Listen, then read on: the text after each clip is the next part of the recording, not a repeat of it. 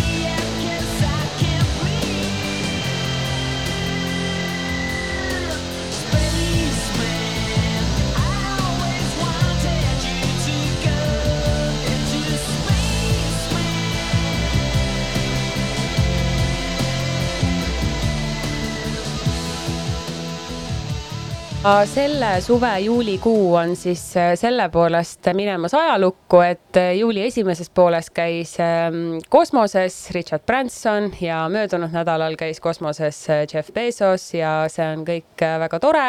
ja mis minule silma jäi selle kõige puhul on see, kuidasmoodi Eesti meedia kajastas seda ülevoolavalt ainult nagu selles võtmes, et vaata, kuidas maailma rikkaim mees läks kosmosesse ja siis oli galerii.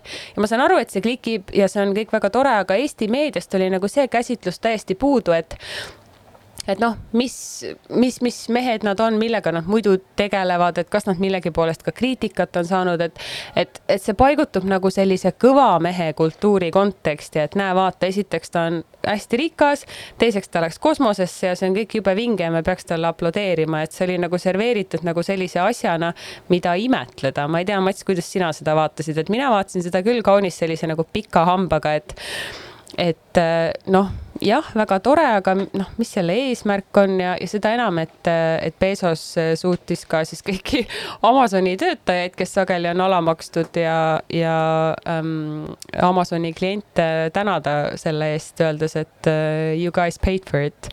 et uh,, et see oli nagu päris, päris huvitav. ma ei tea, kuidas sina seda vaatasid? ja ma arvaks seda, et Bezose kaasus on kindlasti eraldi, kui, kui me vaatame Amazoni ja kuidas see töötajaid koheldakse ja nii edasi, et, et ta on võib-olla eraldi, eraldiseisuses selles osas. aga, aga ma arvan, et see probleem võib-olla on see, et, et, et me oleme harjunud, ühiskond, eriti Ameerikas, on harjunud ikkagi selle Ameerika unistusega ja mõnes mõttes nad esindavad seda Ameerika unistust. et olen miljonär, miljardär, saavutan tohutuid sa kõrgusi ja teen, mis ma tahan, et selles mõttes Ameerika on üles ehitatud Rockefellerite ja Vandelbirtide ja muude selliste poolt.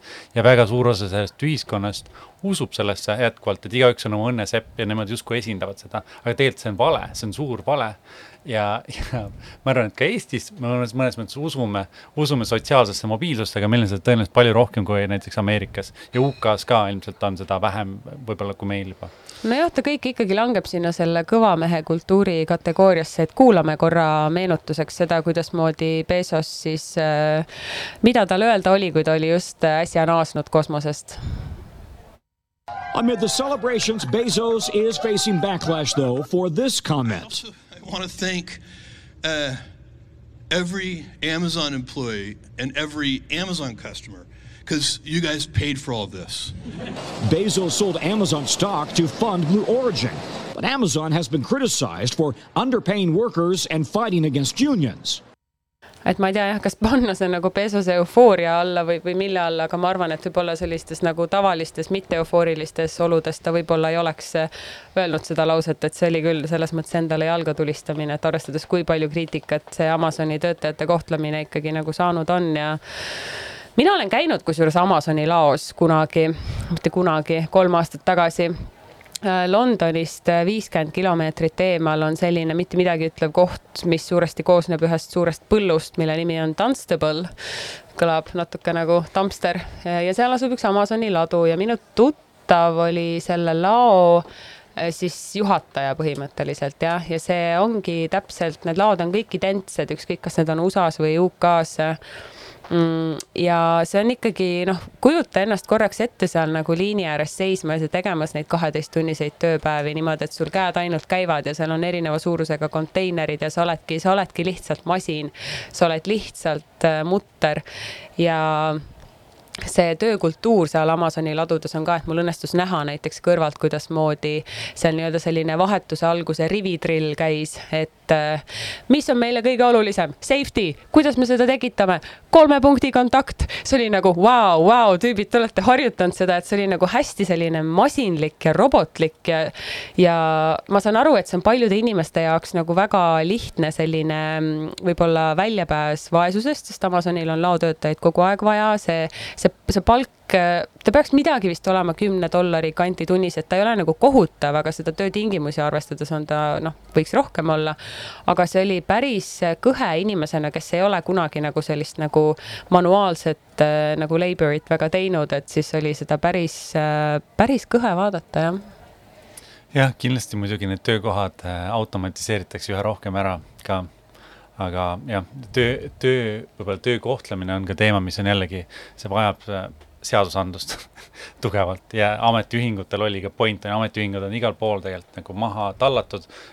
Reagani, Reagani poolt USA-s on ju, ka Euroopas kaheksakümnendatest palju, palju nõrgemad aga neil on point, on ju, et kui nad täiesti ära kaovad, siis ühiskond läheb liiga kaldu ja see on UK-s kindlasti juhtunud. no ja Bezos on ju ka põhivend, kes ühingute vastu ikkagi ähm, nagu seisab kõikide, kõikide vahenditega. aga kui me selle kosmose juurde tagasi tuleme, siis noh, Branson ütles ka ühes oma intervjuus, et et, et see kosmoseturism on ja noh, ta ongi täiesti reaalne tulevik, et praegu meil on lennujaamad, bussijaamad ja meil hakkavad olema kosmosejaamad ja siis juba Bransoni mingisugusel virgin.org lehel sa saad osaleda loosimises, võita endale eh, reisi kosmosesse, hõljuda seal neli minutit seitsmekümne kilomeetri kõrgusel ja siis tulla tagasi, et selles mõttes ta on kindlasti nagu insenerlusele väga huvitav Äh, ja hea nagu selline tööpind, et seal tuleb kindlasti palju innovatsiooni, aga kuna nendel kosmoseekspeditsioonidel puudub nagu selline teaduslik eesmärk või missioon või mingisugune selline nagu laiem mõte, siis tekib küsimus, et kas me nagu praegust kliimakriisi arvestades ikkagi peaksime nagu paugutama ennast nende rakettidega kosmosesse ja rääkima kosmoseturismi edendamisest praegu, et ähm, ma arvan, et siin ei ole nagu häid vastuseid, aga kas sina läheksid, Mats, kui sa võidaksid selle sa võidaksid selle tripi koos äh, Richardi või Jeffiga? see on hea küsimus, ma ei, ma ei, ma ei, ma ei tea, kas just Richard või Jeff mind tõmbaks, aga kosmose iseenesest on väga põnev. aga kosmos küll tõmbab. Mõttes, äh, ma arvan, et Bransoni puhul on see, et tema bränd on üles ehitatud sellele, et reisi avasta, on ju, et samamoodi on ju kümme aastat tagasi suhtuti täiesti teistmoodi sellesse, et ma reisin kõik maailma riigid läbi, on ju, väga tore, eks ju. praegu mõeldakse sellele kliimakahjule et see läheb aeg, aeg-ajalt nagu iga viie aastaga on see mu, rahva arvamuse muutus ka.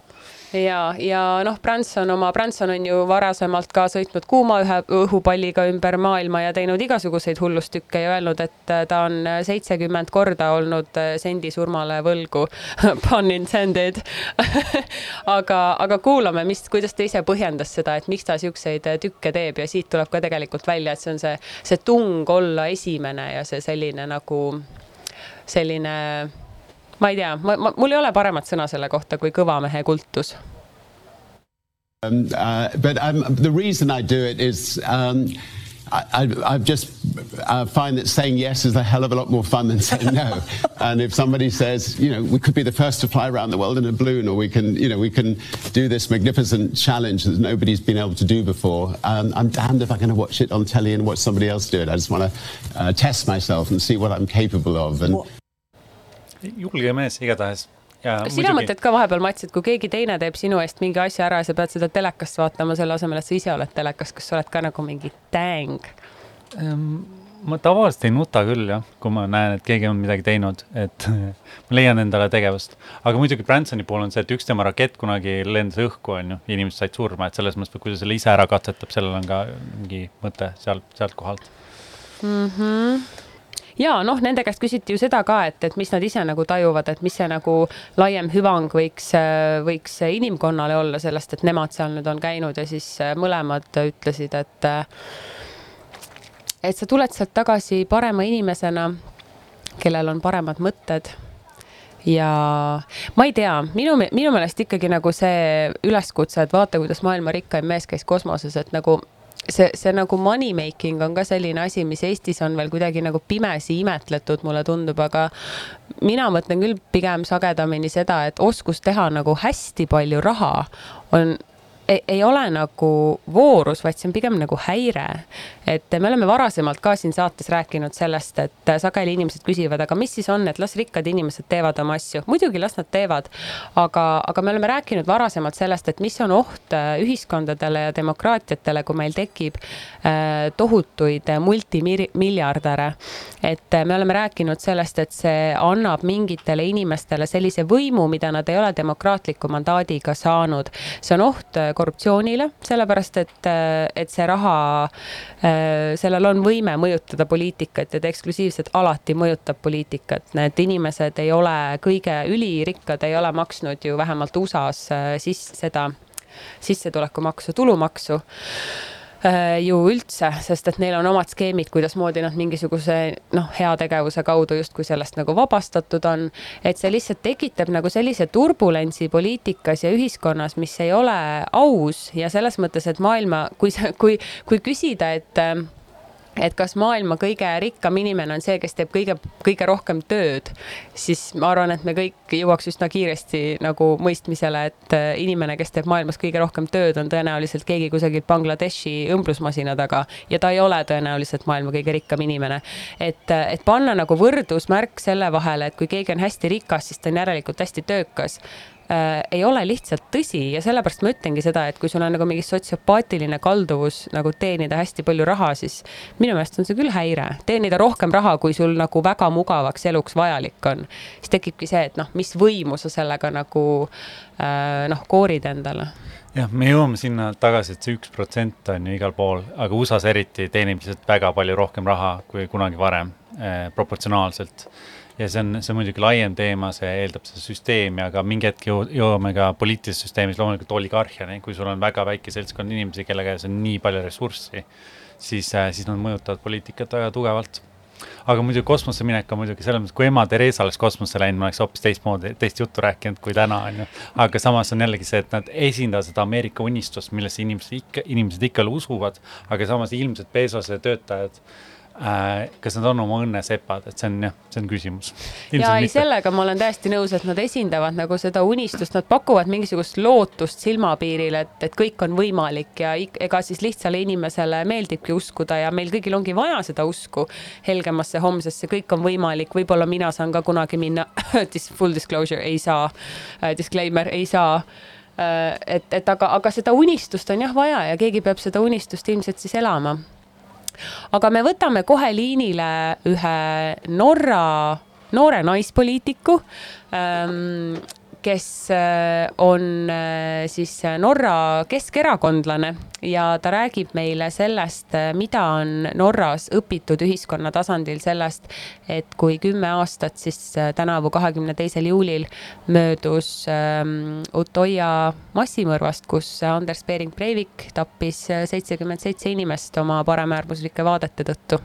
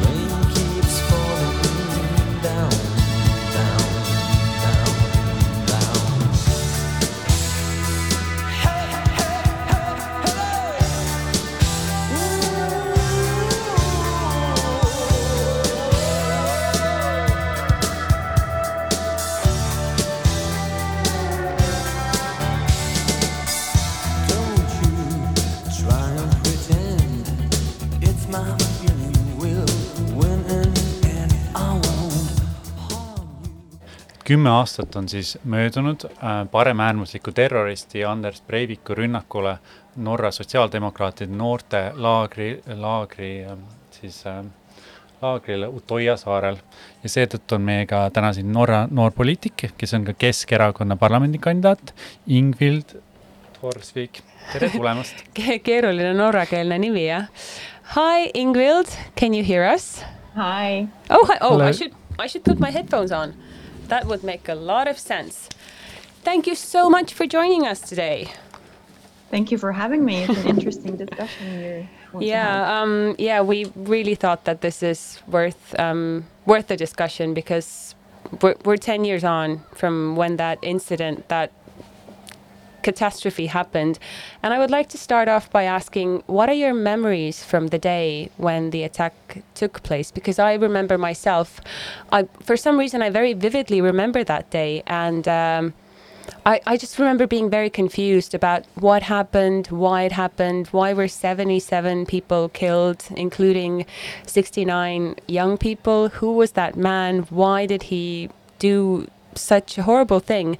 And I remember that the media in Estonia didn't really disclose the details of that attack or you know describe the perpetrator um, in depth. So i would i would like to ask you like what do you remember from that day? Did you instantly make sense about what happened or were you confused as well?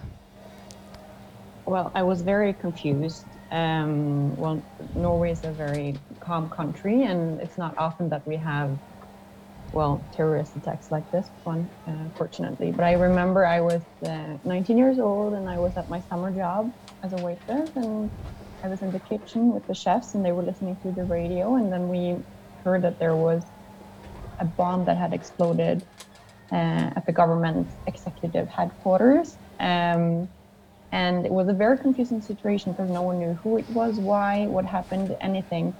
And then we started hearing that there was also a shooting at Utøya. and there was a coverage as that was happening because it was an as an island, and it took well more than 30 minutes for the cops to get there. Um, and he he killed 77 people, as you said, and um, 69 of them at Utøya, and they were mostly children. Uh, and I remember the days that that followed um, were very surreal. There was like a vacuum of sorrow, um, and it was very unreal thinking that this could happen in Norway and that he had attacked children. Um, and then after, uh, yeah, the, the whole nation could feel the sorrow, and um, there was um, um, a sense of unity that really uh, was in the entire country. Of course, the families of the victims and the Labour Party, which he attacked, uh, were the ones suffering the greatest impact and the greatest loss. But I would say that most people in Norway felt very affected, and um, and uh, there were piles of roses all over Oslo, and there were songs and concerts and things that was becoming more common amongst uh, the people of, of Norway, and there was a very great sense of community in the days that followed.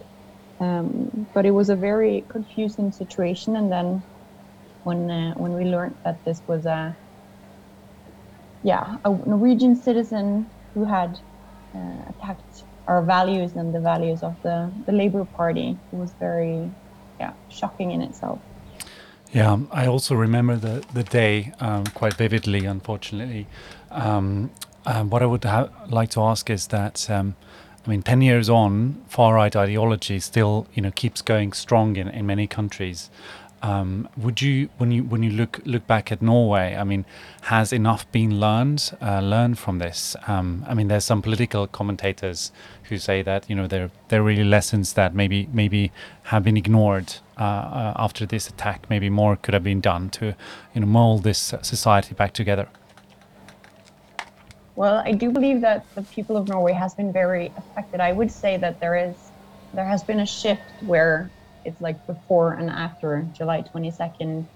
Uh, but I mean, extremism has has been around before this happened in Norway as well. Uh, 20, 20 years ago this month, uh, a kid named Benjamin Hermansen was murdered by neo-Nazis for being black, and just in 2019 uh, there was um, Mans House killed his stepsister and attempted to shoot up a mosque and do a terror, new terrorist attack on Norway. Uh, but he was stopped by the people there. So I do believe it's a continuing problem and that we need to definitely learn more uh, about the radicalization process before it turns into uh, violent uh, extremism. Uh, and I would say that the people uh, have a, I don't actually know, compared to the rest of Europe, for instance, if there is more focus in Norway on extremism, picking up signals of extremism, but I do know that the uh, police are very aware of the problem and they try to pick up um, signs of people being radicalized. One thing that I've noticed, and something that political commentators in like the UK and also in Norway have pointed out is that we tend to talk about when white people commit those kinds of crimes, then we tend to talk about catastrophes and unfortunate circumstances and and and use that kind of vocabulary. Whereas we know that had it been a black person or a muslim person then we would without any hesitation be talking about a terrorist attack. And i know that very many people um, do describe um, Breivik's um, uh, mass shooting as a as a terrorist attack, as a far right inspired terrorist attack. And I would like to know where you stand on this because it is a very sensitive topic and it is definitely very hard for white people to talk about white terrorism. Uh, well, um, in my experience, he has been called a terrorist from day one. Uh, a lot of people, also in the national press, uh, do not want to say his name because he wanted recognition. He wanted people to know his name. So people refer to him just as the terrorist. And it hasn't really been until later years that we've learned more about his upbringing when Osne Sayasa wrote the book about him, and we got to learn more about uh, his troubled childhood and the lack of parental care that he actually had.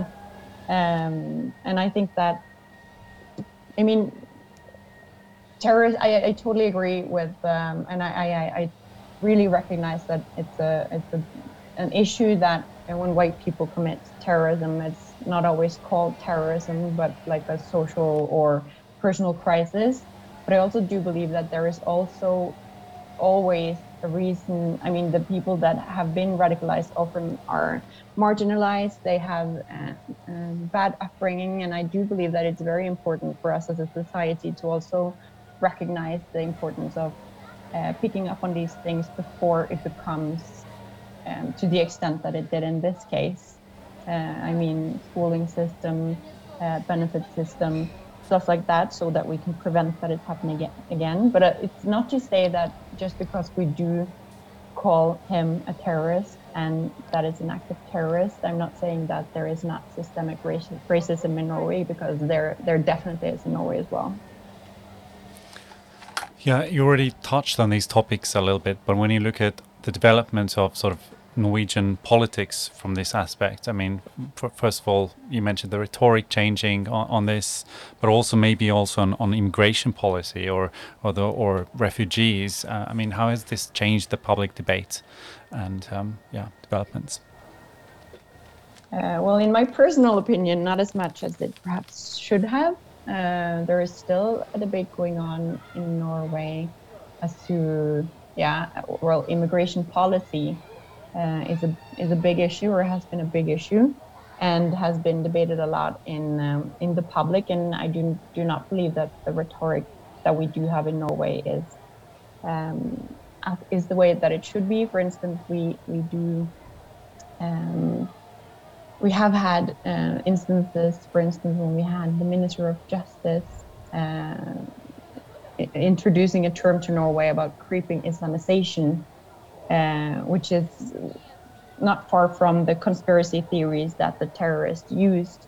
So I do believe that we we we're not perfect in any way, and there is no there's not enough focus on the wording that we use um, as to how it affects the way people um, yeah, we'll see, for instance, the immigration policy that Norway has. And I believe that uh, when you say it out loud in like common places, one thing is the, the stuff that people radicalize themselves over on the internet. But when you also see um, politicians, uh, national politicians using words like this, I do believe that it's, um, well, it's not uh, making people less extremist so the party that you are a member of is the, the sister party of our former Prime Minister Jüri Ratas. So the Estonian Keskerakond would be the sister party of the party that you are um, running as a member that you're running for parliament. Um, I don't know how much you know about the Estonian Centre Party, but how would you describe your political views, like broad, like even broader, like coming away from this um, this terrorist attack, maybe for a bit. H how would you say that? You know, what is the sort of main um, view, or what is the where would you say that the consensus lies in the political um, playground in Norway right now? Are would you say that you're more of a, in general, um, right wing, right leaning society, or more of a left leaning society? Well, we're coming up to election now in September, so and, we'll and you'll you'll know then. yeah. Uh, but so my party is a social liberal party. It's a quite small party, uh, and um, um, I would say that people are not. It's not very polarized, and also with the welfare state of Norway, I mean, many people would say that we are a socialist country. Um, by world standards. Uh, but also, as I said, like immigration policy questions, questions like that, that's typical perhaps of the right wing side, um, being critical of immigration. That's also a big question um, in this election, as well as whether Norway should be a member of the EU or whether it's more important to like protect the national states as some of the parties to think is very important. So it's hard for me to to say um, where we are, but the biggest parties are closer closer to center. So it's not uh, it's not the polarizing parties that are the biggest, and also the uh, Progress Party, which is um, on the right, which was which was um, in government uh, up until a couple of years ago, is declining in size. So um, yeah, it's a shift. Yeah, that's really interesting to hear. And I remember uh, when we spoke to you previously, then uh, you said that actually some steps are being taken to um, to combat, you know, racism and, and right leaning ideas in the education system. Could you bring any examples about that? So right now we're uh, actually also having a discussion on whether or not uh, July 22nd is going to be part of the curriculum. Uh, so it's uh, probably going to be introduced into the curriculum. But I, I believe that the most important uh, way to fight extremism is by having a good public education system that is teaching kids how to um, conduct critical thinking. Uh, that's one of the most important things you can do. And then we have a Holocaust Center in Norway um, that do help uh, educate teachers on how to spot extremism and what to do if you have someone who, who is um, showing signs of um, of uh, being uh, extreme. So what they do is they it's very important to ask questions because often um, people who are radicalized uh, see things very black and white and do not see the nuances and it's very important for i think teachers youth leaders everyone really participating in the society to ask questions and to perhaps help them see that things aren't really black and white. Yeah, thank you, Ingvild, so much for um, for joining us and for providing your own local insight to the topic because as so many Norwegians have said online, and I'm sure as you have said, um, you know, out loud in your country as well, then this is definitely a day that nobody will forget, and neither will we, and neither will the rest of Europe and the world probably, because it is a massive lesson to be learned, uh, to be learned, and. Um, definitely, we, we do stand in solidarity with Norway on this issue. And uh, thank you once again for joining us. And uh, and giving us a bit more context about how things have moved forward. So thank you. Thank you. ja nüüd, enne kui me kolmanda teemaga edasi läheme veel kord äh, üks muusikapala siia vahele, nii, nii raske teema oli see, ma ei tea, Mats, kuidagi, aga noh, selles mõttes vajalik ikkagi, et, äh, et, et kuulda ka nagu nii-öelda otseallikast, et kuidasmoodi need arengud pärast sellist kohutavat sündmust äh, ühes riigis läinud on, aga me hakkame jah, õige pea rääkima sellest, miks roheline poliitika ei tähenda üksnes puu kallistamist ja kui suur potentsiaal, kui suur kasutamata potentsiaal sellel tegelikult on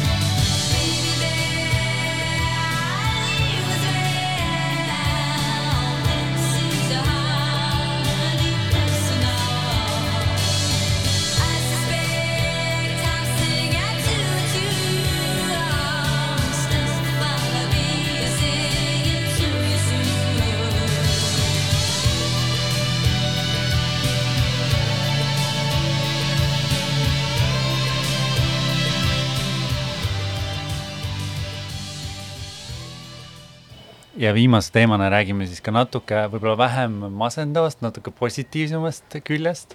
Äh, me räägime täna nii Eesti kui ka Euroopa rohelistest erakondadest. et rohelised erakonnad hästi erinevad ja mõnes riigis väga edukad, aga enamikes riikides suhteliselt niši, nišierakonnad, mis tihti kui nad parlamentigi saavad sisse. et see ongi meie arutelu, aga alustame äkki Eesti rohelistest, et mis sina, Mariann, arvad Eesti rohelisest erakonnast? Minu meelest see on küll väga masendav teema, sest Eesti rohelistel võiks palju paremini minna. Eesti rohelistega on see, et noh, poliitika on üldse väga persoonikeskne. ma praegu asetan oma kauni Ida raadio kopsiku veits eemale. Äh, poliitika on väga persoonikeskne ja nii palju, kui ma olen inimestega rääkinud Eestis ähm, roheliste erakonnast või a la mingisugusel suguvõsa sööma ajal, siis no maksimaalselt teatakse Zuzu Izmailovat ja siis nagu projitseeritakse kogu selle erakonna olemust tema peale, siis taandub kõik sellele, kas sulle meeldib persoon või mitte. minu meelest me ei ole Eestis nagu hakanudki väga sisuliselt veel üldse rääkima sellest, et mis see rohelisus siis on. Ja kliimakriis tundub inimestele alati selline teema, et issand, kus see uks siin ruumis on.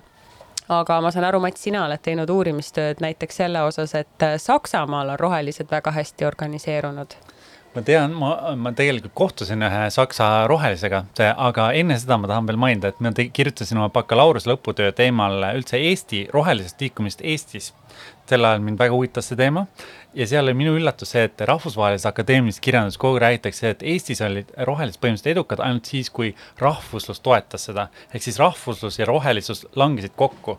et enne on ju iseseisvumist liikumist oli meil ka ju ka sõe, kas oli fosforiidisõda nii-öelda on ju, mis oli jällegi see, et see oli tegelikult osaliselt Eesti rahvuslus, mis väljendus ennast rohelisusest. rahvuslus võib väljenduda erinevatest aspektidest. kas see võib natuke olla selline asi nagu elurikkuse erakond või? Kindlasti selles mõttes, kui me vaatame ka rohelised, kui nad olid aktiivsemad, on ju, kui nad olid parlamenti sisse said, siis nad olid ka võib-olla selline teemapüstitus oli kõige olulisem, aga umbes, et muretseme, et äkki kusagil tehakse auk, et siis Tuhala nõiakaevust enam ei tule vesi, on ju. aga see ei ole just nagu kliima soojenemine, see on rohkem selline looduslähedus, lähedus, võib-olla ka Eesti armastamine nii-öelda, on ju. et see ongi mhm. selline nagu maalähedane patriotism. see on selline, et tahan kartulit võtta, istutan peeti, et see, see on natuke teine asi, ma olen nõus, jaa aga selles mõttes selles ei ole otseselt midagi halba, on ju, selles mõttes. aga see on, hoopis teine probleem. aga, aga, aga mis mind natuke üllatab, ongi see, et kui me kliima, kliima osas muretseme, on ju, et siis me oleme Rail Balticu vastu nagu, et see, noh, see nagu minu arust ei lähe nagu kokku, et ma saan aru, et võib-olla see läheb kusagil vales kohas läbi soo või mõni orav ei saa üle tee, on ju. muud halvad asjad, võib-olla trassi on halvasti tehtud, aga lihtsalt, et nagu Rail Balticut meil on kindlasti vaja, sest muidu me ainult lendame Euroopasse mm. -hmm, Äh, väga huvitav on jah see ka näiteks, et äh, noh, viima-, üks viimaseid selliseid äh, suuri kohtumisi oli siis Pariisi kliimakonverents, kus kaks tuhat viisteist ka Pariisi kliimalepe sõlmiti ja selle aasta lõpus tuleb Glasgow's uus kohtumine. ja noh, mis selle Pariisi kliimaleppe eesmärk oli, ongi siis see, et hoida maailma temperatuuri tõusmast üle ühe koma viie kraadi Celsiuse ja tegelikult praegu teadlased on uue raporti andnud välja öelnud, et see võiks jääda isegi alla ühe kraadi Celsiuse. ja mulle tundub, et see on alati selline lõõpimise koht inimestele, et oh, mis see üks kraad siia-sinna ja see on väga ohtlik äh, tendents, sellepärast et me, me suudame nagu mõelda ainult oma sellisest äh, inimese perspektiivist, et ühte tuba kütta ühe kraadi võrra tõesti pole raske. aga kui sa mõtled, kui palju energiat ja kui palju soojusenergiat on vaja selleks, et tervel planeedil tõsta, tervel planeedil tõsta temperatuuri ühe kraadi võrra, siis see on meeletu.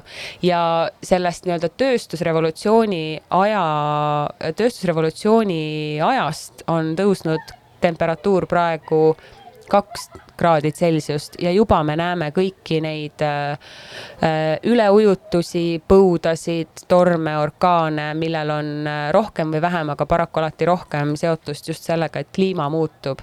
ja teine asi on ka see, et, et me võiks osata vahet teha ja vähemalt aru saada, et on erinevad asjad nagu ilm ja kliima. et see kliima on midagi sellist, mis on üksikisiku tasandil tõesti nagu väga hoomamatu ja sellepärast meil on vaja, et rohelised erakonnad õpiksid sellise asja selgeks, nagu on äh, story telling. et mitte keegi ei jaksa ühegi poliitika ümarlaua taga kuulata seda juttu, et äh, süsinikuemissioonid, äh, üks kraad Celsius tõuseb, kaks kraadi tõuseb, see on, need on vajalikud faktid, aga meil on vaja hakata rääkima seda lugu, mis siis juhtub. üks konkreetne näide on näiteks see, et kui on kliimakriis, mida ta põhjustab ressursside nappus, elukohtade hävimine, ta põhjustab tohutu rändekriisi, mis ei ole siis enam see rändekriis, et inimesed põgenevad sõja eest, vaid nad põgenevad selle tõttu, et nende elukohad, riigid, kodud muutuvad elamiskõlbmatuks ja see omakorda hakkab süvendama kõiki sotsiaalseid probleeme, mis meil juba maailmas on. vaesus, naiste halvem toimetulek, hariduse kättesaamatus ja nii edasi, et sellel on kaugeleulatuvad tagajärjed. mul on see õige definitsioon ongi kliimamuutus, mitte kliima soojenemine mm. -hmm. soojenemine, eestlased mõtlevad jube tore, et meil on vähem talve. aga, aga jah, kui me hüppame siit nagu roheliste erakondade juurde Euroopas, et mõnes, mõnes kohas väga edukas, mõnes kohas mitte, siis suur teema on olnud see, et miks on rohelised Saksamaal nii edukad. sest äh, tegelikult mais oli sihuke seis, et et äh, arvati, et me saame rohelise kantsleri Euroopa Liidu suurimasse riiki.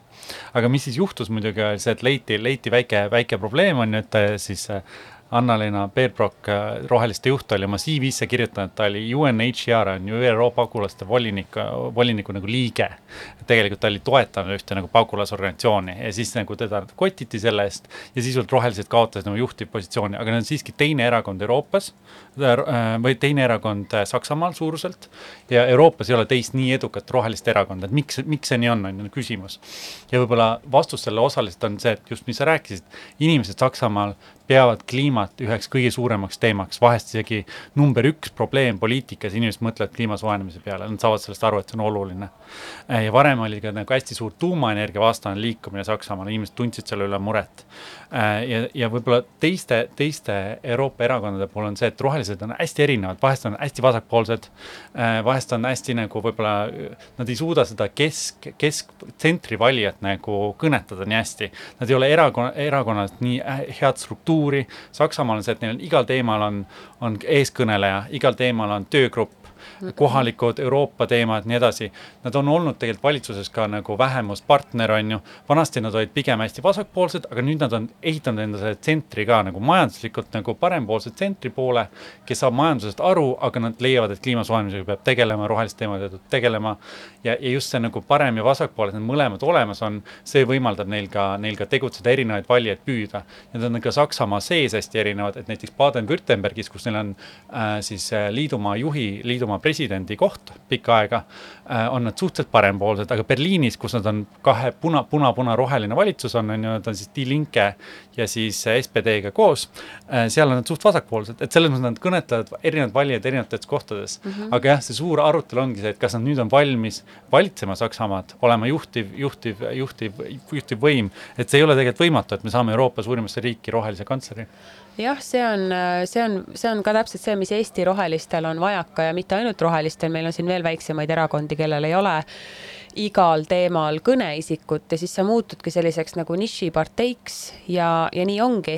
ja ma arvan, kui Eesti juurde tagasi tulla ja Izmailova juurde tagasi tulla, siis tema punktid, nii palju kui mina teda jälginud olen ja ma olen teda viimase aasta jooksul kindlasti palju rohkem jälginud kui, kui kunagi varem, on see, et ähm, kahtlemata ta, ta teab, millest ta räägib ja ta viitab alati allikatele ja ta on teemaga väga kursis ja ma arvan, temalt on kindlasti palju õppida selles vallas, et me ei pea olema ka kliimaeksperdid sellest, et aru saada, et kliimamuutused toimuvad. ja me peaks usaldama inimesi, kes sellega tegelevad. aga ma arvan, et ähm, Izmailova puhul ka nagu meediainimestel on natukene selline hoiak, et ta on siiski poliitikas võrdlemisi noor ja ta on naine ja ta seisab mingisuguse teema eest, mis on ebamugav ja ta teeb seda sageli õigustatult mitte just raevukalt, aga sedasi ikkagi nagu frustreeritult, eks ole. ja see on asi, mida naispoliitikule andeks ei anta, sa ei tohi olla kuri sa pead naeratama, sa pead lastele jäätist jagama ja olema nunnu. Ja veel parem oleks see, kui sa tuleksid ja ütleksid, et inimesed ei tohi nime vahetada ja mehed tohivad ainult naistega abielluda ja maa tuleb täita lastega, siis sa oled okei okay, naispoliitik. aga kui sa tuled rääkima kliima soojenemisest, vahepeal korraldad ka mingisuguseid abieluvõrdsuse petitsioone ja sul on keeruline nimi, siis sa saad heiti lihtsalt ja, ja see on väga ebaõiglane, see on väga halb ja, ja sellel erakonnal ei ole piisavalt suurt kõlapinda ja seal ei ole nagu teisi piisavalt säravaid persoone, me oleme sotside puhul sama rääkinud, säravaid persoone ei ole. ja üks väga huvitav UK poliitika podcast, mida ma kuulan, mis on Owen Jonesi podcast, on äh, äh mis paralleel mul sellega seal hiljuti tekkis, et parempoolsed ja konservatiivid, aga eriti just sellised nagu parempopulistid, et kui nemad nagu poliitilises debatis osalevad, siis neil on suhteliselt suva, et nad viskavad selliseid nagu täiesti meelevaldseid suvalisi mingeid ideid õhku, mis on täiesti teostamatud, nad ei ole kaalutletud ja nad ei lase kunagi häirida ennast sellest, et nad pole kaalutletud. rohelised seevastu, sotsid, noh, ma ütleks isegi Keskerakond ja sellised noh, nii-öelda suured parteid, et nemad nagu niimoodi nagu ei äh, ei ähm,, ei edvista, et nad on alati hästi kaalutletud ja siis nende nagu sõnum jääbki selliseks nagu lahjaks, et nad ei paku nagu seda mingit utoopiat, visiooni, mingit head sõnumit, mingit sellist perspektiivi, et tulevik tegelikult on nagu lahe. ja, ja panna sinna juurde ka, ka erakonna selline juhtpersoon, kes ei lähe kõige lihtsamini alla sellisele keskmisele valijale, siis, siis, siis ongi see, et Eesti rohelised nagu toppavad natuke ja ma tahaks loota, et neil on mingi plaan, sest et kliima vajab, vajab tuge ja, ja päästmist ka siin ma olen nõus sellega, et, et rohelised sotsid ja nende valijad on tegelikult suhteliselt sarnased ja see on ka probleem rohelistel erakondadel tihtipeale, et, et nende, nende teemad natuke nii-öelda mitte varastatakse ära, aga agendat viivad ellu ka teised. et selles mõttes vabalt, miks nad ei võiks olla sotsidega koos, aga sotsidest ma arvan, et mõned mõned karismaatilised inimesed ikkagi on. ei, on, on, me oleme selle ringi juba mitu korda läbi käinud, et on, ei ole, on, ei ole, aga on, on, ikka on. aga selles mõttes mina ei arva, et nad ühinema peaksid. ma arvan, et nad, äh, neid on mõlemaid väga vaja, lihtsalt sotsidel on vaja laiendada oma seda ringi ja seda on väga raske teha, kui sa ei ole parlamendis, kui sa ei ole parlamendierakond, sul pole raha. inimesed, kes seal erakonnas on, neil on ka mingid muud tööd ja see organiseerumine on väga-väga keeruline, et, äh, et võib-olla teha mingisugune pead kokku panna siis teiste riikide rohelistega, et, et, et midagi on vaja, vaja ja mina ei ole roheliste valija tegelikult ajalooliselt kunagi olnud, aga ma saan aru nende vajalikkusest. Äh, ma saan väga aru nende vajalikkusest ja ma ei välista ka seda, et minust võib roheliste valija saada ma arvan jah, see küsimus on hästi see, et kui vasak-parempoolsed nad on, on ju, kas neil on ka midagi muud pakkuda, on ju. et tegelikult näiteks ma arvan, et ka Reformierakond on muutunud palju nagu rohelisemaks, ta ei ole roheline kindlasti nagu rohelised, aga rohelist keskkonna, keskkonna mõistlikumaks, kui, kui ta oli, ma ei tea, kümme aastat tagasi. kui oli ainult mhm. majandus oli teema, saame rikkaks, eks. Et, et selles mõttes äh, jah, ma ei, ma ei, ma, ma ei oleks selle vastu küll, et, et nad näiteks kellegagi ühineksid ja milleks liberaalide hääled oleks nagu tugevamalt ühes kohas koos, on ju. jah, jah, selles mõttes võib-olla küll jah, et see nagu poliitiline aritmeetika võib-olla annaks sellele mingisugust õigustust, aga, aga ütleme, ideaalses olukorras ma tahaks näha tugevaid äh, sotsiaaldemokraate, tugevat äh, tugevat rohelist erakonda ja tugevat ja tõsiseltvõetavat konservatiivset erakonda ja mis ma tahaks veel mainida lõpetuseks, on see, et eh, Soome sotsidel on ka kümme protsenti toetust, mis on Euroopas üks kõrgemaid. ja võib-olla üks põhjuseid on see, et nad on Soome ajakirjanike lemmikpartei. et õppige rohelised, ajakirjanikud peavad teid armastama. jah, ajakirjanikele tuleb viia uh, sustainably toodetud, ma ei tea, mida, kommi, ei, ärge viige ajakirjanikele midagi, nad saavad, suudavad ise ka mõelda aga rohelised on jah, väga huviga ootame, kuidasmoodi neil kohalikel, kohalikel valimistel läheb ja nüüd siis äh, jah, muljetame ka natukene saate lõppu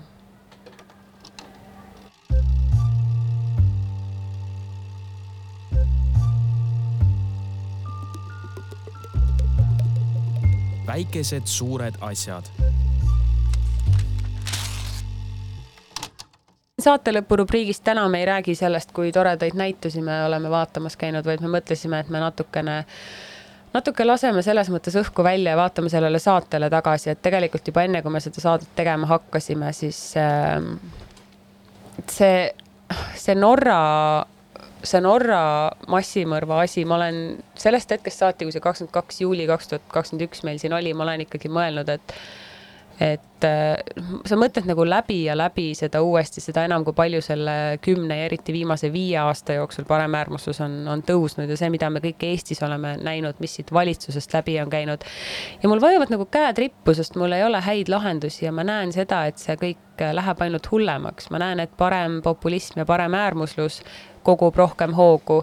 ma näen seda, et kliimakriisiga ei tegeleta piisavalt ja, ja see see teeb nõutuks ja see, ja see teeb, see teeb kurvaks ja, ja nii väga, kui ma ka ei tahaks seda saadet lõpetada mingisuguse hurraaga, siis minul ei ole väga palju optimismi. ma muidugi hoian mingisugust lootust, et asjad muutuvad, aga ausalt öeldes mul ei ole väga kusagilt enam ammutada selleks lootuseks mingisugust, mingisugust nagu, nagu energiat, ma ei tea, kas sa, kas sa ka vahel nagu mõtled selliseid eksistentsiaalseid asju, kui sa hommikul hambaid pesed? ma arvan, et seda, et tulebki rääkida rasketest ja, ja mitte rasketest teemadest. et me ei saa, me ei saa valida nagu jah, poliitika on selline, nagu ta on ja me peame rääkima keerulistest asjadest, aga võib-olla mõeldes vahepeal on ju, vahepeal kümne aasta jooksul juhtus migrandikriis on ju, migratsioonikriis väga palju. migrante tuli Euroopasse, paremäärmuslus võitis sellest tohutult, nad said väga palju hääli juurde, nad tegid sellest number ühe teema, nad üritavad hoida seda kogu aeg teemana, aga tegelikult see on avalikkusest nagu võib-olla ära kukkunud, on ju. mis tähendab, et neid probleeme ei saa lõputult olla, et mingi hetk me suudame ikkagi vastu võtta või noh, ühesõnaga ühiskonnad on natuke rahunenud sellest, sellest, võib-olla sellest eelmisest migrandikriisist. no tegelikult ju selles mõttes ei ole, et iga kord, kui see teema jälle lauale tuua, siis see teema mobiliseerib inimesed jube kiiresti, et, et isegi kui ta korraks kukub nagu maha, siis äh, parem parempopulistid leiavad ikkagi kiiresti selle nupu nagu üles, millega inimesi ärritada. Ja vaadates, kui vihaseks on läinud erinevate vähemuste suunal kommentaarid ja see, mis toimus näiteks Pride'i ajal, kui ühte noort neiut rünnati, kes vikerkaarelipuga ringi käis, et ma ei tea, noh, võib-olla, võib-olla ma olen nagu kuidagi liiga pessimistlik, aga, aga, aga ma tahaks öelda ka seda meie kuulajatele, mida võiks meeles pidada, et poliitikat ei tee ainult poliitikud ja poliitikut ei tohi, poliitikat ei tohi jätta ainult poliitikatele issand, nii palju kordi peab poliitika ütlema. et, et tegelikult äh, selle suhtumisega, et poliitika on poliitikute pärusmaa, me anname nagu igasuguse otsustusõiguse käest ära ja me saame teha poliitikat üldse mitte mingisuguses halvas või sellises kuidagi äh, nagu sneakis võtmes, vaid me saame poliitikat kujundada iga päev sellega, mis on meie enda hoiakud, kuidas me ise käitume, kuidas me töökohal või sõprade ringis mingisuguseid nähtusi või teemasid märkame. et ärme jäta seda ainult nendele inimestele, kes on äh, Riigikokku valitud, sellepärast et see, mille üle Riigikogus hääletatakse, see on alati juba üleeilse päeva uudis.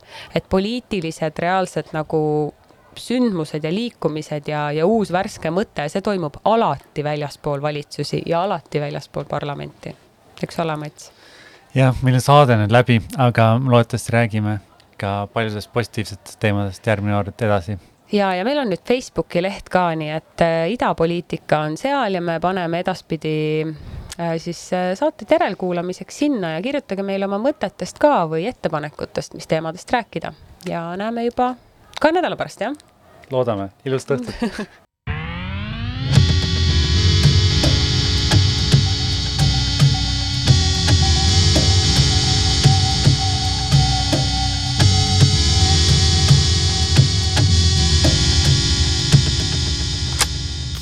Idapoliitika